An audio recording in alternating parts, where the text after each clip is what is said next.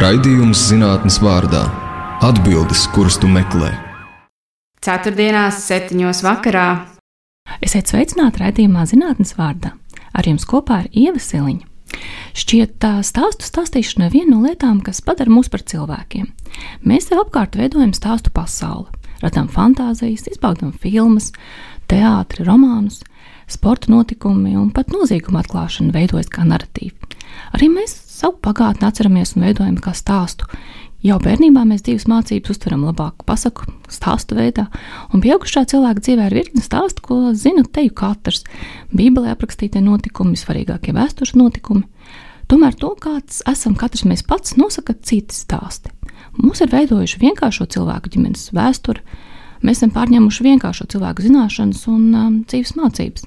Kā ir veidojušās mūsu zināšanas un kādēļ mēs esam tieši tādi, kādi esam? Vai ir iespēja uzzināt šos dzīves stāstus? Kā satikties ar senčiem, kuru vairs nav starp mums? Par to šodien sarunu raidījumā zinātnes vārdā, un mūsu viesne ir stāstu medniece, digitālo humanitāro zinātņu pētniece Sanita Reinsone. Sanita ir filozofijas doktore, vadošā pētniece Latvijas Universitātes Literatūras, Folkloras un Mākslas institūtā, kur viņa vada digitālo zināšanu grupu. Sanita Reinsona arī izglīto studentus Latvijas Universitātē un Rīgas Tehniskajā universitātē. Viņas pētnieciskās intereses saistītas ar digitālo metožu izmantojumu, sabiedrības iesaistē, digitālā kultūras mantojuma radīšanā, mutvārdu stāstījumiem un dzīves pierakstīšanu. Šobrīd Sanita ir arī valsts pētījuma programmas, humanitāro zinātņu digitālajie resursi, projektu vadītāji, zinātnes komunikācijas koordinātori kostu programmas disidentu pētnieku tīklā un startautiskā zinātnieku kopienas iniciatīvas Science for Ukraine iniciatori un koordinātori. Tātad raidījuma zinātnes vārdā viesiņa šodien ir folkloras pētniece Sanita Reinsona. Labdien! Labdien! Sanita, kāds ir tavs pašas stāsts? Kā tu nonāci zinātnē? Man šķiet, man paveicās, jo uh, zinātnē es uh, nonācu ļoti agri. Apmēram pirmajā kursā, kad man bija iespēja sākt strādāt Matemātikas institūta mākslīgā intelekta laboratorijā, Lieliskā Andreja Spektora vadībā. Un šī ļoti agrā ieva, ieiešana pētniecībā, sākot ar pavisam vienkāršiem darbiem, bet redzot, kā tas notiek un kā attīstās. Un, un tā, nu, es domāju, tas. Āķis bija lūpā. Āķis bija lūpā, ja tas bija ļoti interesanti. Un, un uh, toreiz, pirms tiem 20 gadiem, jāteic, jau uh, tika dot diezgan liela brīvība. Uh, pētīt, meklēt. Uh, to, kas tieši tevi interesē. Un, kaut arī tas ir matemātikas institūts, es varēju darboties ar folkloras uh, materiālu, kas man toreiz jau ļoti interesēja. Un, uh, nu, jā, tā arī tas, es domāju, tas bija izšķirošais, kāpēc uh, es esmu palikusi zinātnē visu šo laiku un neesmu nekur citur darbojusies. Folkloras pētnieki asociējas ar darbu baltos cimdiņos, skatot kādas senas manuskriptus. Pastāst, kāda izskatās tā ikdiena? Tas tiešām ir tā. Tik romantiski. nu, Baltie cimdi reizēm ir jāuzvēl, tad, kad uh, ir darbs arhīvā, bet uh, folkloras pētnieki principā ir tie, kas iet ārā no uh, pie, biroja, tautas. pie tautas, pie cilvēkiem un sarunājas. Sarunājas ar uh, viņiem, un, un šis te lauka, lauka pētījumu uh, daļa ir uh, patiesībā nu, interesantākā, es domāju, arī studentiem, um, arī pētniekiem, ka uh, Uh, nu, tas, tas tiešām ir uh, nu, tāds, ļoti liela enerģijas dēva tajā visā. Tieši šī dzīvā materiāla vākšana. Protams, pētniecība, folkloras pētniecība ļoti dažāda, tā var notikt arī internetā. Var vispār nesatikt cilvēkus pētīt kaut vai digitālu folkloru, vai arī strādāt tikai ar manuskriptiem. Bet, um, Man personīgi ļoti patīk uh, satikties un, un uzklausīt. Kā tas notiek? Kā tu izvēlējies, pie kura cilvēka iet? Jo patiesībā jebkuram cilvēkam ir stāsts, vai ne? Jā, taisnība.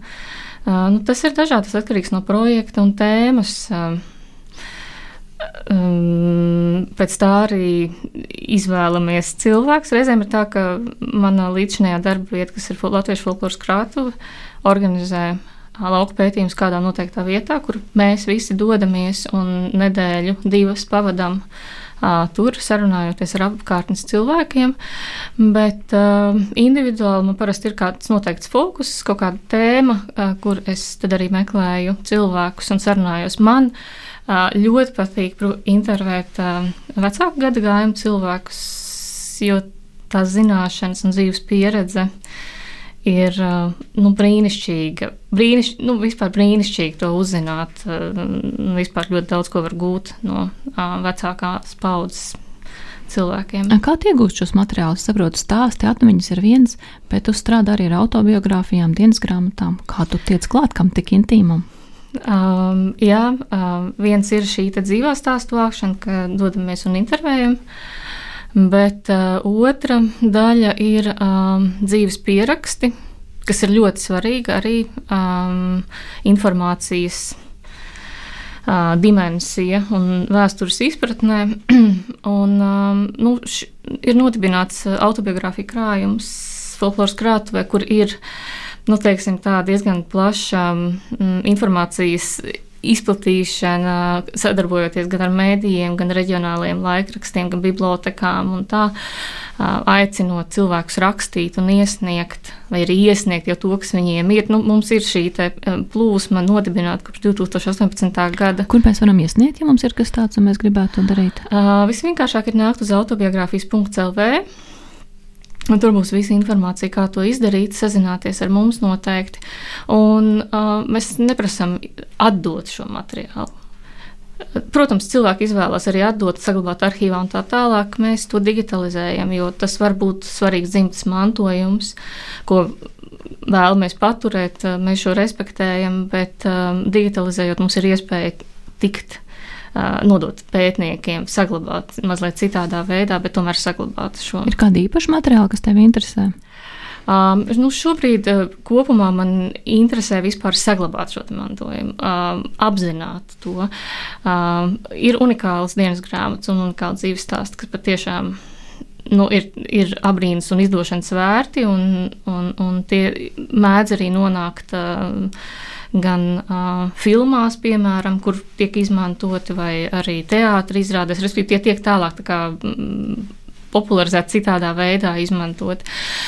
Um, bet uh, kopumā man interesē dienas grāmatu rakstīšanas praksa kā tāda, kā tas ilgākā laika posmā ir noticis, kurš raksta, kā raksta un, un, Un, un, un, jā, kāds ir šis žanrs, šis noslēpumainais, ko mēs it kā uh, ne, nezinām. Nu, tas ir tāds noslēpumainības aura ap to, ka, ka mēs taču nelasām citu cilvēku dienas grāmatas. Bet, uh, tas, Kādēļ tas ir svarīgi to pētīt? Vai šim vienam stāstam ir nozīme? Jā, katram kopumā? stāstam ir nozīme kop, kopējā, um, kopējā lielajā ainā, un, un, un katrs um, stāsts, katra, katrs dzīves stāsts, pieredze. Uh, ir tas mazais punktiņš, kas reizēm var pašķaidīt to, kas liekas tāds pašsaprotams, varbūt un zināms, bet piešķirtam citu balsi. Vai mums, um, kā nācijai, latviešiem, ir kādi um, kopīgi stāsti, kādas stāstu līnijas, kas atkārtos vēl un vēl, vai tas pamanīs kādas kopsakarības?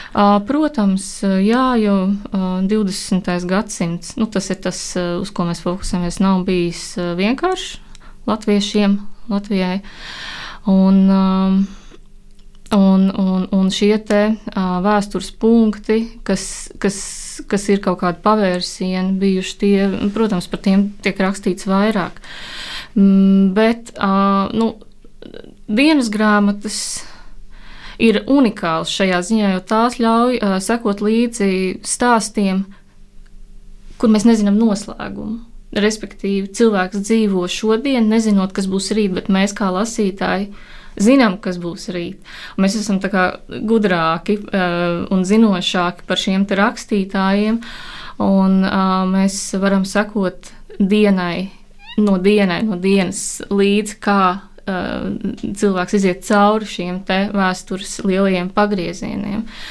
Uh, jā, tas, ir, tas, tas ir tas unikālais dienas grāmatās, ka ka tā ir šodiena, nezinot par rītdienu. Man liekas, ka šobrīd daudzi uzmeklē pārlasā tavu meža meitu grāmatu. Arī par latviešu sieviešu piedzīvoto mežos puros Nacionālo partizānu kara laikā. Ko tev atklāja pašai šie 12 stāsti? Varbūt bija vairāk kā 12? Stāstu Latvijā noteikti ir vairāk nekā 12, bet bija diezgan izaicinoši arī dabūt šos 12 stāstus, jo diezgan ilgs laiks ir pagājis. Un, Un jāteic, ka tas bija pēdējais brīdis patiesībā kaut ko tādu darīt, jo šodien, paskatoties atpakaļ, lielākā daļa no stāstu varonēm vairs nav šajā saulē. Liels vecums, un, un tas tiešām bija pēdējais brīdis. Nu, kopumā tā bija tāda mm, šis, šis, pēt, nu, šis pētījums un šī grāmata tapa no tādas personiskas ģimenes stāsta. Um, kas sākās diezgan nu, tā, tā, tā neap, neapzināti intervējot uh, um, vīra vecmāmiņas māsu vienkārši par dzimtas vēsturi.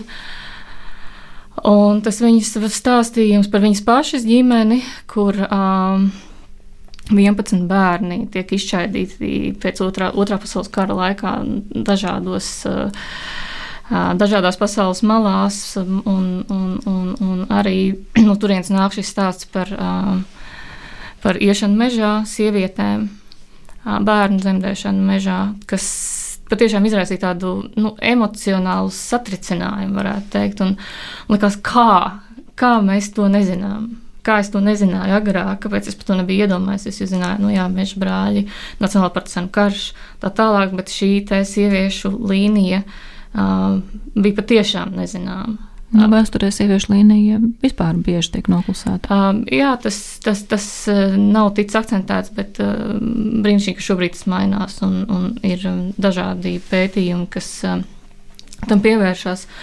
Bet, um, jā, tas, šī me, šīs meža meitas tiešām bija vēlme uzzināt, apzināt un arī izstāstīt tālāk citiem uh, šos te nezināmos stāstus. Nu, pēc tavas grāmatas motīviem tapa arī izrāde Meža meitas Valmieras drāmas teātrī. Kā tas bija no folkloras pētniecības nonākt teātrī?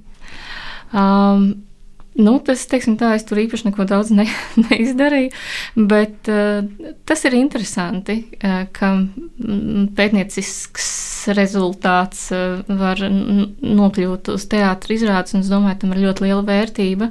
Bet, protams, arī atbildība, jo šie dzīvi cilvēku stāsti. Un, uh, Un, un, un, un tā, bet izrāda bija ļoti laba un, un, un korekta. Un es domāju, tā ļoti spēcīga arī tāpēc, ka tika mainītas lokācijas un tika, tā, tika izrādīta arī Čekas mājā, arī mežā.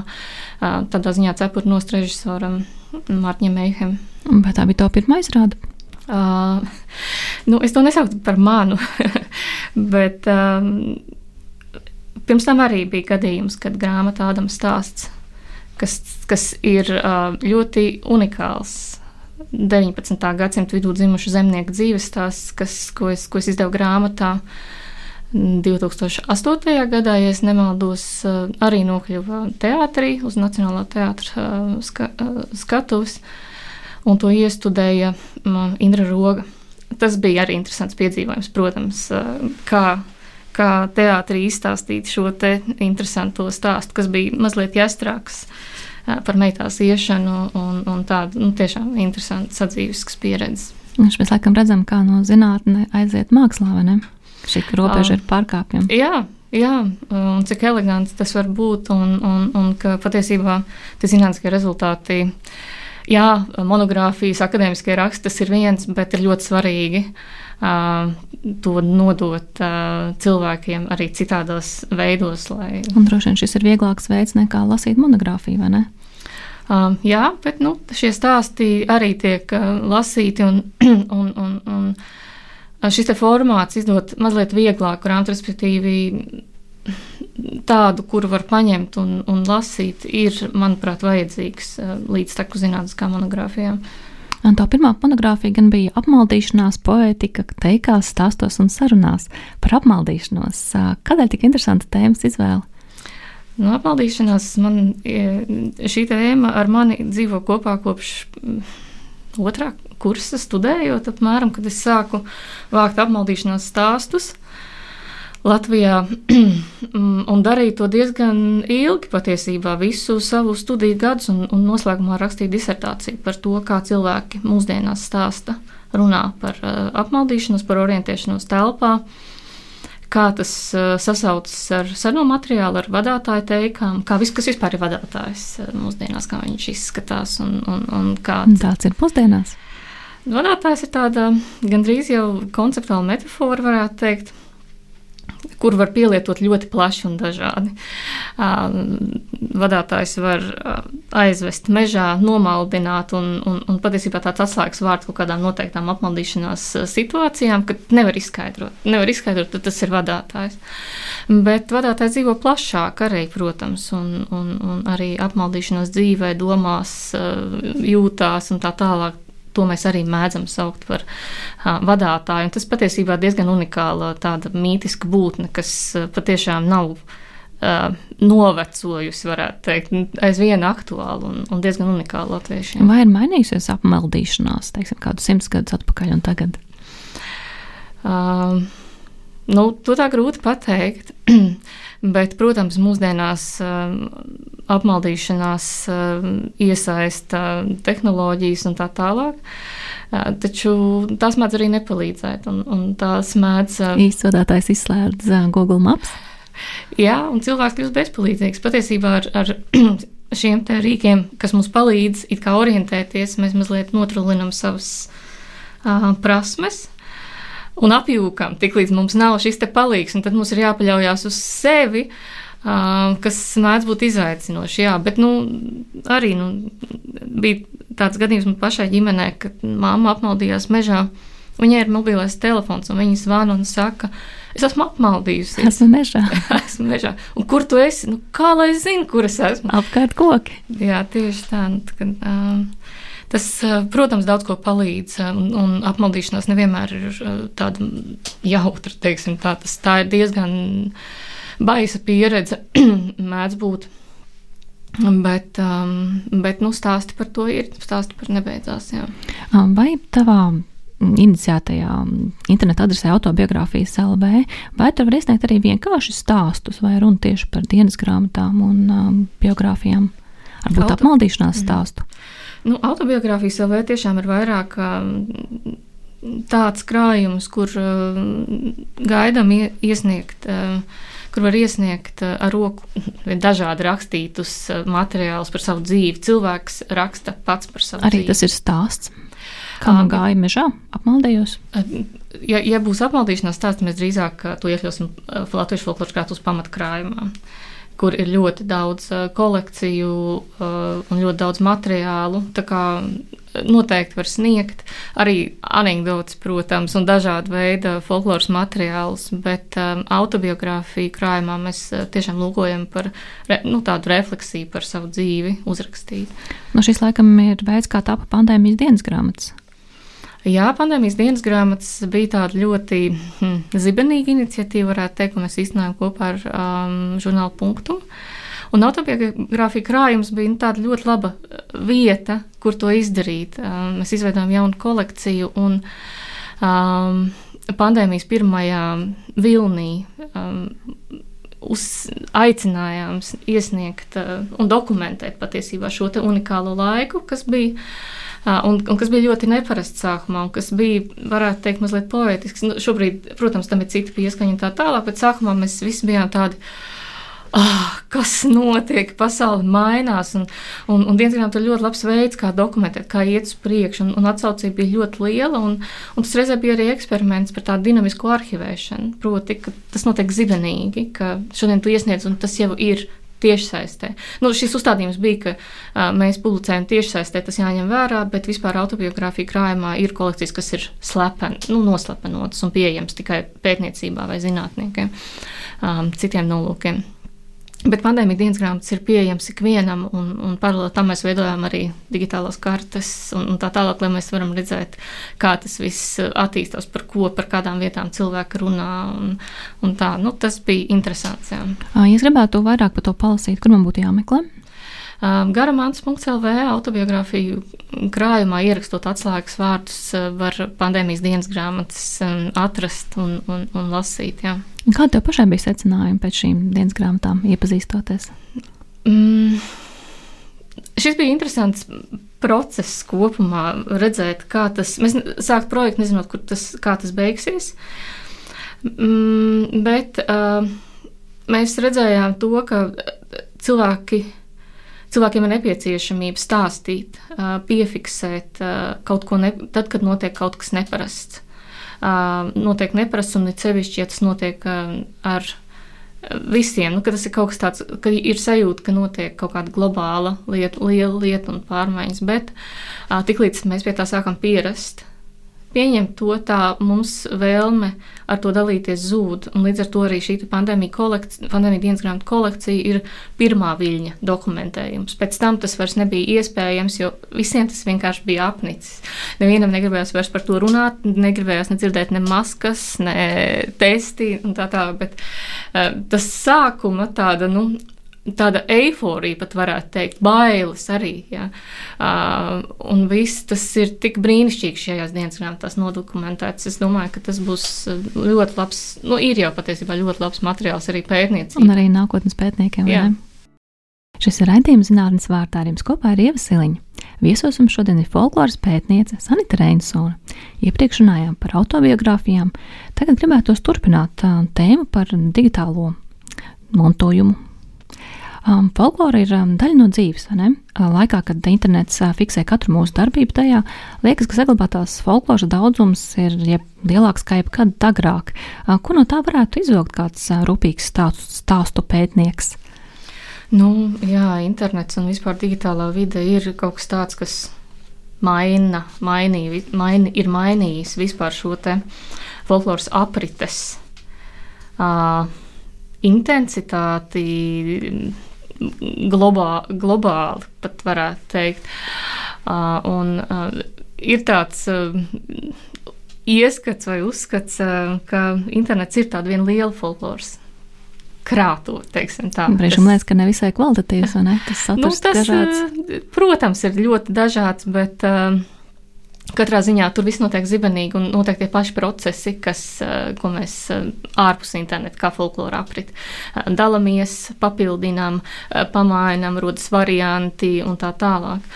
Un, jā, nu, bet tas ir reizē arī izaicinoši folkloras arhivētājiem, teiksim tā, ko no tā viss paņemt, kā kā, kā tam visam izsakot līdzi. Un, paldies Dievam, tiek veidot interneta arhīvi. Respektīvi, katrā valstī tiek uzkrāts pilnīgi viss saturs, kas, kas rodas internetā, un to parasti nodarbojas Nacionālās bibliotekas. Un ar to nu, īpaši nekas, neko mēs īpaši nevar no, nevaram nokavēt, jo tas tiek arhivēts. Bet, protams, folkloras arhīvu resursi nav tik lieli, lai spētu savākt uh, visas mē, mēmes, uh, izsakot visam līdz visiem jokiem un tā tālāk. Un tāpēc lielākoties tas notiek uz projekta pamata un arī pēc pētniecības interesēm. Ja kāda pētnieka interesē noteikts tēmas joki vai kādas tēmas analīze Twitterī, piemēram, tad tas, tas tiek vākts un, un tā. Bet jā, internets ir izaicinošs. Nu, tu savu karjeru uzsāki Latvijas Universitātes Matemātikas Informātikas institūta mākslīgā intelekta laboratorijā. Saki, kā šī pieredze tev palīdz folkloras pētniecībā? Nu, ļoti daudz palīdzēs, varētu teikt, jo no paša sākuma, kā jūs minējāt, tas bija pirmā kursa beigas, kad es pievienojos Mākslīgā intelekta laboratorijai. Uh, toreiz pirms 20 gadiem digitalizācija bija pavisam kaut kas jauns un, un tāds. Nu, ir bija saprotams, ka tas ir ļoti vajadzīgs un ka tas ir jādara. Ļoti labi, ka Mākslīgā intelekta laboratorija to darīja, digitalizēja Latvijas kultūras mantojumu kā vienu no pirmajiem. Uh, un, uh, jā, šī digitā, digitālā dimensija līdz ar to man ir gājusi līdzi visus šos 20 gadus uh, zinātnē, uh, caur visām studijām un visur. Uh, un, un, un latviešu folkloras krātuvē, kuras nonācu jau mazliet vēlāk. Tā, tas arī bija tas lauks, kur es darbojos pēc tam. Vai mūsdienās humanitārā zinātnes maz var nebūt digitāls? Nu, tas ir izaicinošs jautājums, bet es domāju, ka lielākoties lēnām ik viens pētnieks patiesībā. Nu, nu, nu, mēs arī varam te, pra, diskutēt par to, kas ir digi, digitāls. Nu, īstenībā viss jau ir digitāls mūsdienās, vairāk vai mazāk. Nu, mēs izmantojam digitālos rīkus, mēs meklējam informāciju digitāli, lielās datubāzēs, krājumos, sistematizējam savus materiālus digitāli. No tā nevar izvairīties, un tas ir tas, kas mums atvieglo darbu. Bet uh, digitālās humanitārās zinātnes iet mazliet vēl uz priekšu. Un uh, tiek izstrādātas metodes, kā materiālu analizēt ar digitālām metodēm. Tas ir tālasījuma metodas, kad ir ļoti liels apjoms ar tekstiem, un, un, un dators, mākslinieks intelekts mums palīdz saprast. Kaut ko izvilkt ārā vairāk nekā mēs spētu savas dzīves laikā izlasīt. Um, tas, ir, tas ir tas, kas digitālās humanitārās zinātnes uh, ko ienes jaunu humanitāro zinātņu pētniecībā. Nozīmē, ka Dainu skapis nākotnē atradīsies uz kāda servera un to analizēs mākslīgais intelekts. Jā, tas atrodas jau uz servera. Uh, bet jā, jā, mēs ejam uz to, un šobrīd tieši kā reize Dainu skapim tiek veidot jaunā versija, kur varēs ļoti labi redzēt, uh, cik daudz labojumu ir veikti, uh, kas kāds, respektīvi, tiek veikta tāda nu, šī dainskapja arheoloģija caur digitālām metodēm. Tas, tas ļoti daudz ko atklāja. Jā, tas ļoti daudz ko atklāja un arī kliedē dažādus mītus, varētu teikt. Piemēram, kādus? Uh, nu, kas ir latviešu tautas dziesma? Cik tā ir. Uh, mēs, tā, tie sējumi, ko mēs lasām, uh, barona dainās šie teksti, nu, kādi viņi, kād, kād viņi ir bijuši, kad, viņi, kad tie tiek iesniegti folkloras krātuvē. Parasti lasītājiem nonāk ļoti gludi Jā, sakārtoti, viss ir tā, bet līdzīgi. aina ir diezgan raiba, un, un ļoti liela loma ir šim te kārtotājiem vācējiem, kurš to ir. Uh, mazliet piegludinājis, vairāk vai mazāk, lai tas eh, kaut kā atbilst vai nu estētiskai gaumei vai, vai tā. Nu, nu, jā, šī, šī digitālās, eh, digi, digitālie instrumenti palīdz kliedēt dažādus mītus un parādīt mazliet to ainu citādāk. Jā. Par ainas saprāšanu runājot, ja mūsu klausītājiem gribētos atrast savus ģimenes stāstus, kas viņiem būtu jādara? Mm, es ieteiktu doties uh, uz garamantas.lv un sākt uh, kaut vai ar sava uzvārda vai savu senču uzvārdu ievadīšanu, paskatīties, vai kādā folkloras kolekcijā, autobiogrāfija krājuma kolekcijā vai mutvārdu vēstures mm, krājumā neatrodas uh, kāds pazīstams. Protams, var konsultēties arī ar digitālu arhīvu veidotājiem un tā tālāk, bet uh, Katrā ziņā sastapšanās ar senčiem notiek bieži caur šiem krājumiem, un, un, un tas, ko var izlasīt, ko viņi ir vākuši vai ko viņi ir stāstījuši, būdami jaunieši, bērni vai vēlāk, nu, tas ir nu, brīnišķīgi. Bet tas sanāk, ka jāsāk ar dzimtas koku pētniecību, lai saprastu, kurš no liepiņiem ir īstais liepiņš, vai protams, kurš bērziņš ir manējais un kurš nē. Protams, jā, protams, jā dzimtas koks un, un zināt, kas ir kas un no kuras vietas um, nāk um, senči, nu, tas ir svarīgi, jā. Vai ir kāda vēl veida, kā mēs varam palīdzēt un atšifrēt stāstus, kas patiesībā mūs veidojuši? Um, jā, ik viens var nākt uh, tālāk pētniekiem. Sabiedriskā zinātnē ir ļoti labs veids, kā to darīt. Un Literatūras folkloras mākslas institūtā, kur mēs veidojam šos digitālos resursus, mēs uh, diezgan daudz domājam un strādājam pie tā, lai mm, šie te krājumi nebūtu tikai nu, kā lai pasaka, pētnieku iniciēti, un viss mēs aicinām sabiedrību nākt tālāk mums. Uh, Un kā mēs varam nākt tālāk, kā mēs varam palīdzēt? Uh, viens variants ir dalīties savām zināšanām, uh, proti, ja uh, ir, nu, katram ir stāsti un, un arī praksa, kā tiek svinēti svētki, piemēram, vai arī zināšanas par pilsētu un tā tālāk. Mums ir um, tāda platforma, kas saucās Latvijas folkloras krātuvu jautā, kur uh, ik viens var iesniegt šos stāstus, atbildēt uz jautājumiem, palīdzēt pētniekiem uh, tikt pie materiāla un arī arhivēt, patiesībā nākotnes pētniekiem palīdzēt. Bet otrs veids, ko mēs aicinām ikvienu, ir uh, nākt palīdzīgā ar manuskriptu atšifrēšanu. Latvijas folkloras grāmatā glabās ļoti daudz, ļoti daudz ar roku rakstītu manuskriptu. Tās dienas grāmatas, kas ir iesniegtas. Arī dienas grāmatas, arī dzīves stāsti, arī folkloras pieraksts no visas Latvijas, no dažādiem no laika periodiem, un, un, un mums ir izstrādāti speciāli rīki, kur uh, cilvēki var nākt un palīdzēt kaut vai lapusi atšifrēt. tas uzreiz kļūst uh, automātiski meklējams, uzreiz pieejamāks ikvienam. Un, ja es gribētu palīdzēt, kas man būtu jādara? Uh, nāciet uz garamants.lv. Un tur ir informācija par to, kā uh, iesaistīties, bet principā šī iesaistība pavisam vienkārši izvēlēties manuskriptu lapusi, pārrakstīt to un iesniegt. Um, vai daudz no mūsu līdzcilvēkiem iesaistās šī iniciatīvā? Nu, šī, šī iniciatīva notiek kopš 2016. gada. Uh, kas ar nosaukumu Simtgadus burtnieki, un arī ir platforma Simtgadus burtnieki, kur lielākoties notiek šī šifrēšana.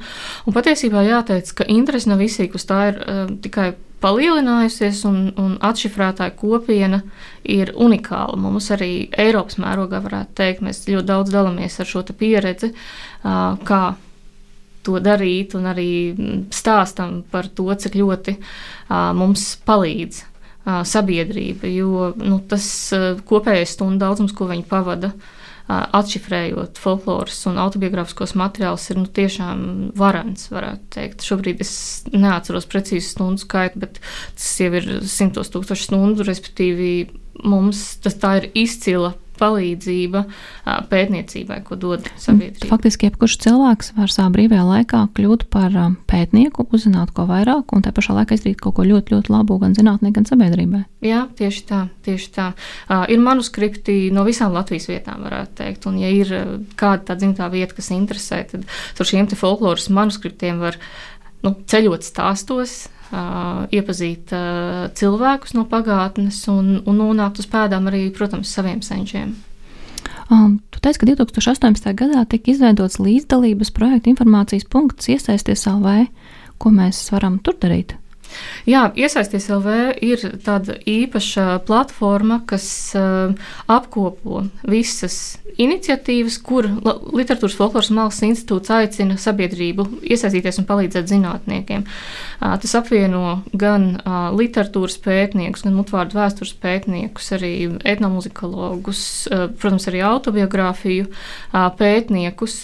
Un uh, šobrīd ir jau pavisam konkrēts plāns, ka šis iesaisties LV kļūst par uh, Latvijas mēroga um, sabiedriskās zinātnes platformu, kur arī citas iniciatīvas, ko veic citas zinātniskās institūcijas vai uh, biedrības. Um, uh, kas popularizē un, un kas nodarbojas ar sabiedriskās zinātnes projektiem, pievienojas un, un, un mēs attīstām kopā šo te, kur ik viens sabiedrības loceklis, vai tas būtu skolnieks vai seniors, vai, vai kurš var nākt un, un atrast kaut ko, kas viņam interesē un palīdzēt.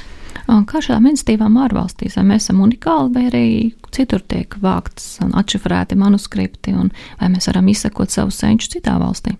Um, jā, arī citur notiek, protams, um, digitālās līdzdalības iniciatīvas. um, un, un zem nosa ar nosaukumu crowdsourcing uh, kultūras mantojumā to var atrast. Uh, principā šī ir uh, lieta, virziens, kas ļoti attīstās, un, un, un, un mēs nemaz neizskatāmies slikti. Mēs izskatāmies ļoti labi konte šajā kontekstā un sekojam līdzi un, un arī uh, sadarbojamies, protams.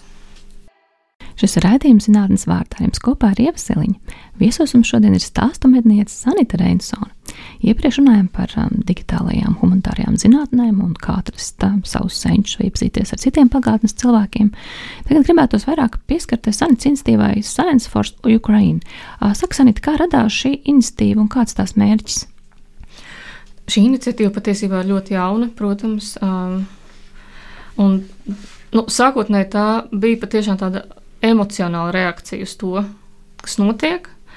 Uh, uz nu, neaptveramu un patiesībā nu, tiešām ne, grūti saprotamu uh, karu Ukrajinā, uh, Krievijas karu Ukrajinā.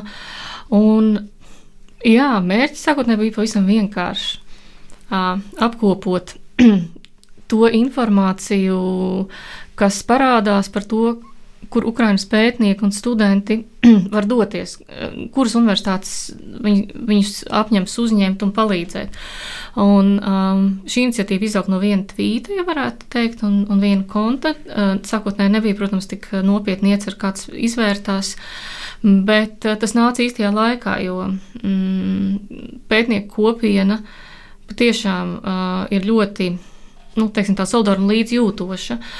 Un jo vairāk uh, sāk cirkulēt informācija par to, ka jā, šeit var braukt tādas nozares speciālisti, un tur var, mēs uzņemsim tādas nozares speciālistus, jo, jo vairāk arī citi ieklausījās un, un, un sāka um, arī apdomāt un, un, un, un piedāvāt. Un pavisam īsā laikā tas tiešām ļoti, ļoti izauga.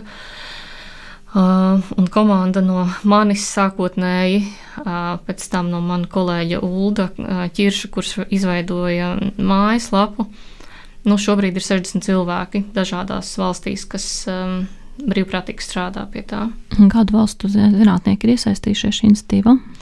Um, Gan arī visas Eiropas valstis tās ir. Nu, proti, šī struktūra, ko mēs izveidojām, bija tāda, ka katra valsts, sevišķi Ukrainai tuvākās valstis, uh, ir katrai valstī koordinators, kas palīdz menedžēt informāciju, kas ienāk no šīs valsts. Um, Šobrīd ir 30 valstīm šie nacionālajie koordinatori, kas ir visas tuvās un rietumē Eiropas valstis, bet ir arī koordinators no Kanādas, kur ir diezgan liela Ukraiņu kopiena, koordinators no um, ASV, mm, arī no Izraēlas. Mm, un, un, un, jā. Kas ir koordinatori Latvijā?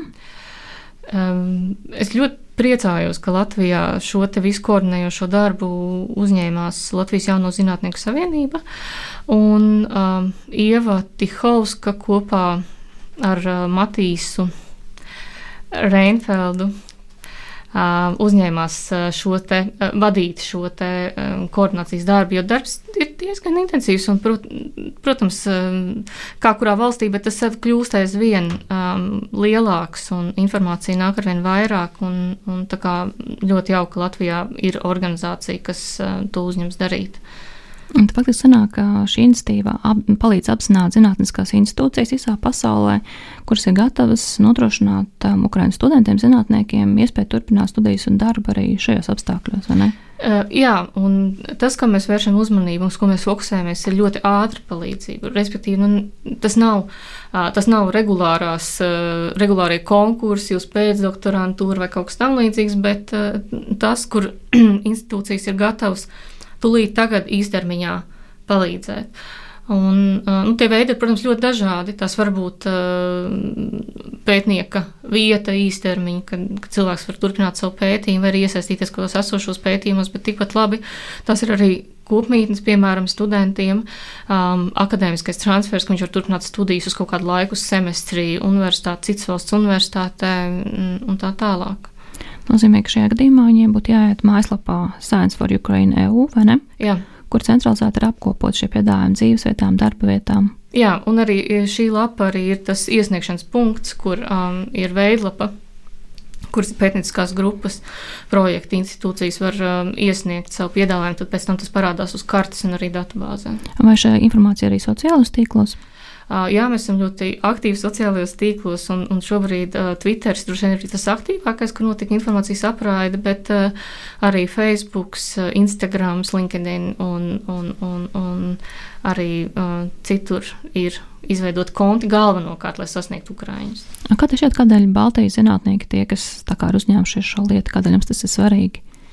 Nu, kopumā mm, var just, protams, ka Baltija Polija un citas Ukraiņai tuvākās valsts ļoti personīgi uztver šo, te, šo lietu un ļoti nu, identificējās, varētu teikt, ar to. Un, un, un arī, protams, mēs esam pirmās valstis, kur Ukraiņi brauc. It sevišķi Baltijai ir ļoti liela nozīme, jo um, mēs aizvien ļoti labi zinām krievu valodu. Tā ir tā valoda, kur viņi jūtās visērtāk. Un, uh, Um, apmēram tikai trešā daļa no Ukraiņas pētniekiem var uh, nu, sazināties angļu valodā, respektīvi, mēs esam svarīgi. Bet uh, mēs esam mazas valstis, teiksim tā. Ukraiņa ļoti daudz. Un Latvijā uh, šīs vietas sāk jau aizpildīties, tās, kas ir uh, datubāzē, un, un ļoti, ļoti ceram un gaidam gan uz Latvijas uh, nu, finansējumu, kaut kādu papildus finansējumu, arī Eiropas mērogā, kas, kas, kas palīdzētu zinātniskajām institūcijām uzņemt uh, Ukraiņas pētniekus. Vai ir ienākuši arī kādi stāsti no otras puses, ko šie pētnieki ir piedzīvojuši? Um, jā, nu, patiesībā stāsti ir diezgan šausminoši un skumji. Protams, lielākoties uh, tie pētnieki, kas izbrauc no Ukrainas, ir sievietes ar bērniem, ar ģimenēm. Tas ir jāņem vērā, ka ne jau tikai viens pats pētnieks ir tas, kuram ir vajadzīga palīdzība. Patiesībā tur nāk uh, ļu, nu, sociālās problēmas un, un, un, un, un ir uh, ģimenes un bērniem. Bet, um, ļoti daudz arī paliek tur Ukrainā, protams. Un, Un šobrīd uh, mēs arī uh, esam iekļaujuši tādu jautājumu, vai nav iespēja attālināti strādāt. Jo cilvēkiem ir vajadzīgs nodrošinājums. Tas, tas kā viņa dzīves šobrīd ir izjaukts un apdraudēts, ir vienkārši uh, nepieņemami. Un, un visiem līdzekļiem mums ir jācenšas palīdzēt. Bet, uh, jā, um, šī, šī, šī lapa Science for Ukraine strādā viennozīmīgi. Um, institūcijas saņem uh, pieteikumus un cilvēki brauc, bet uh, Latvijā un arī citās Baltijas valstīs raksturīgs ir arī tas, ka mm, Mēs pazīstam, mums ir cieša sadarbība ar Ukraiņas kolēģiem. Mums nav jāievieto uh, sludinājums, ka mēs pieņemam, mēs uh, brauc mūsu kolēģi. Mēs palīdzam saviem kolēģiem, un tas, tas notiek. Tas ir, to mēs dzirdam, to esmu dzirdējusi no vairākiem Latvijas zinātniekiem, pētniecības grupām, ka mē, pie mums tūlīt brauc vai ir atbraucis Ukraiņas kolēģis, kuru mēs uzņemam. Vai šie Ukraiņu zinātnieku stāsti atšķirās kādā veidā no tās informācijas, ko mēs gūstam mēdījos? Nu, es domāju, ka lielā mērā um, tas sakrīt, un patiesībā mēdīji ļoti daudz arī raksta arī tie Eiropas un pasaules mēdī, kas ir, nu, kas reflektē vairāk par zinātni, atspoguļo šos stāstus, parāda, cik tas ir dramatiski. Un ne jau tikai, teiksim, tā cilvēks, cilvēks ir primārais, bet Viss tas, kas ir darīts, visi, visi dati, kas ir bijuši vākti, un tā tālāk, ir speciāls iniciatīvas, kas palīdz deponēt ļoti strauji, izdomāt veidus, kur saglabāt, kur, kur, kur likt, kā vispār. Kā vispār iz, nu, mēģināt, lai tas nepārlūst, lai tas var turpināties. Nu, tas, ir, tas ir šausmīgi. Es, jā, tas li, ļoti liela mācība kopumā. Vispār datu saglabāšanas ziņā šī ir ļoti liela mācība visiem. Un šobrīd ir ļoti liela trauksme un steiga, un ļoti daudzi darbojas brīvprātīgi, palīdz dažādos veidos, kā var, bet uh, kopumā aina ir traģiskajā. Nu, laikam, solidaritāte un empātija ir vienīgais, ar ko mēs varam iet uz priekšu šajā traģiskajā situācijā. Uh, tieši tā. Uh, iejusties, saprast. Uh, un arī zinātnīs kopiena ir ļoti solidāra un arī starptautiska un arī cieši saistīta. Respektīvi, um, un, un šis tīkls, kas ir izveidots Science for Ukraine, arī ļoti labi strādā un palīdz un, un, un ļoti ātri izdodas tādus problemātiskus gadījumus, kad cilvēks ir ceļā. Um, atrast noteikts jomas speciālistus, pētniecības grupas, uz kuriem viņiem uzreiz braukt. Nu, jā, tas, tas tāds Vai nav grūti saskaroties ar šiem smagajiem stāstiem? Jo gan šajā gadījumā, gan arī vēsturiski, nu, kā jau teicu, cilvēks lielākoties gribēs izstāstīt to um, lielo trako lietu, kas ir notikusi, nevis tos mazos ikdienas prieciņus, kas varbūt būtu vieglāk pētniekam.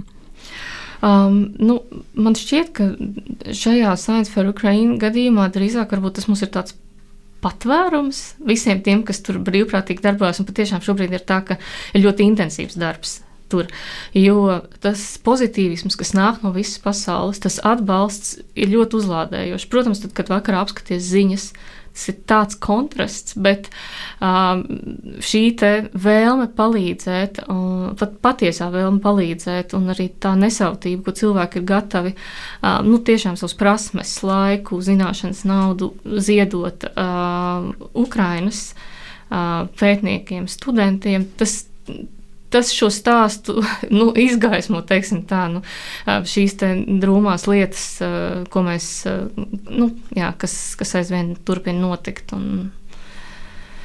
Kas vēl tevi pārsteidz tavā darbā? Kopumā vispār manā darbā. Es nezinu, man šķiet, ka es savu darbu neuztveru kā darbu, tā varētu teikt. Tas patiešām ir diezgan uh, brīnišķīgi, ka var strādāt ar to, kas patīk. Un, un, un, un tas ir reizē hobijs, reizē darbs un, un, un, un pārsteidzošais, protams, ir ļoti bieži. To nevar tik vienkārši izstāstīt, bet uh, jā, es novēlētu šo sajūtu laikam katram, ka tu dari to, kas tev patīk, un, un, un tev nav ja tas jāsauc par darbu. Patiesībā, nu, labā ziņa, ka šo mēs varam darīt arī brīvajā laikā, arī viss pārējie, vai ne? Nu, jā, jā, protams, jā, jāpadomā par sevi, par ģimeni un tā tālāk, bet uh, kopumā pē, darbs pētniecībā ir aizraujošs. Nobeigumā, kāda ir tava nākotnes plāna attiecībā uz pētniecību? Um, jā, nu, es darbojos diezgan da, vairākās teiksim, pētniecības jomās, bet uh, tas, kur es noteikti redzu, ko es uh, nākotnē turpinu darīt, ir saistīts ar šo digitālo humanitāro zinātņu virzienu un arī ar uh, līdzdalības metožu pētniecību un attīstīšanu nu, startautiski veidojot pētnieku grupas un, un, un attīstot šo jomu. Paldies, um, Sanīt, no sirds priecājos tiem panākumiem. Paldies arī par tavu ieguldījumu šajā grūtajā situācijā. Novēlu, lai veicās arī turpmāk. Atgādinu, ka raidījuma zinātnes vārdā viešņa bija digitālo humanitāro zinātņu pētniece Sanita Reinsone. Studijā bija Ieva Siliņa. Lai sekot jaunumiem mūsu rādio, atcerieties piesakot atrādio naba kanāliem, sociālos tīklos, Facebook, Twitter un Instagram. Lai jums visiem spēcīgs vakars! Atā! Raidījums zinātnes vārdā - atbildes, kuras tu meklē.